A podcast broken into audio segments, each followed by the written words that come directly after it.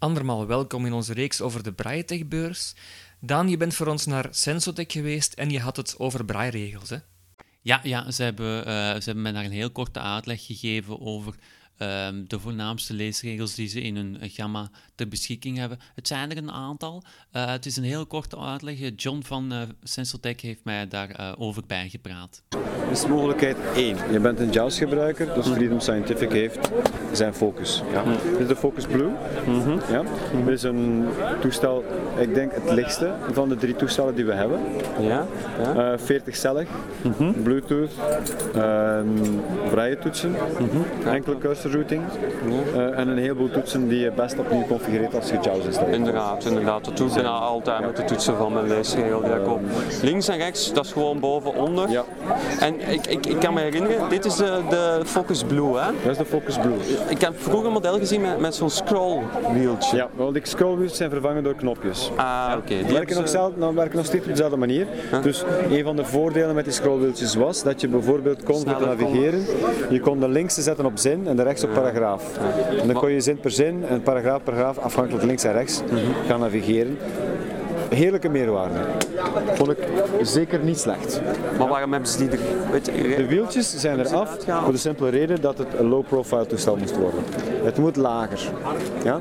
De bedoeling was uiteindelijk dat het toestel voor de laptop kwam en dat je eigenlijk heel makkelijk dezelfde hoogte hebt van de helft van de laptop. Dus dat is de focus. Ja.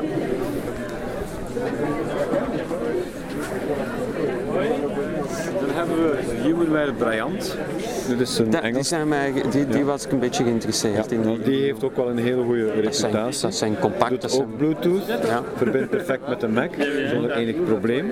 Navigatie gebeurt niet door de balk, maar door knoppen. ja. Ja. Heeft ook braille-toetsen bovenaan.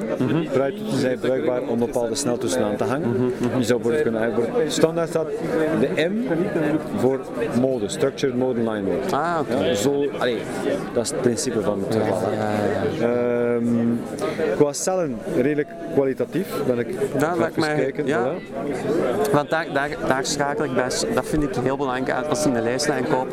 Ze zien er allemaal hetzelfde uit. Hè. Ze kunnen uiteindelijk allemaal hetzelfde, maar het verschil zit bij mij vind ik In vooral cellen. in de Ja, als je cellen. voor de cellen gaat, dan moet je voor Papenmaier of voor Bryant gaan. Ja. Dat is het belangrijkste. Ja, deze zijn inderdaad heel, heel, mooi, heel lekker. En dat wordt ook heel goed geapprecieerd. Ja, ja, ja. Ehm, dus dat is de, de. Mhm. We hebben nog een derde optie, maar we zitten wel momenteel met toeleveringsproblemen met die optie. ja, ja, Eh, zeg dat maar. is de ESIS. Even tonen, alsjeblieft. Dat is de ESIS, die is nu Ja. voor je. Ja. Ja, is Frans toestel. Ja? Eh, ik ga even kijken of ik de braille kan tonen. Ah, oké, voilà. Dat is dan de, dat is de hè? Ja. Zie, je voelt wel het verschil tussen dit en de Bryant.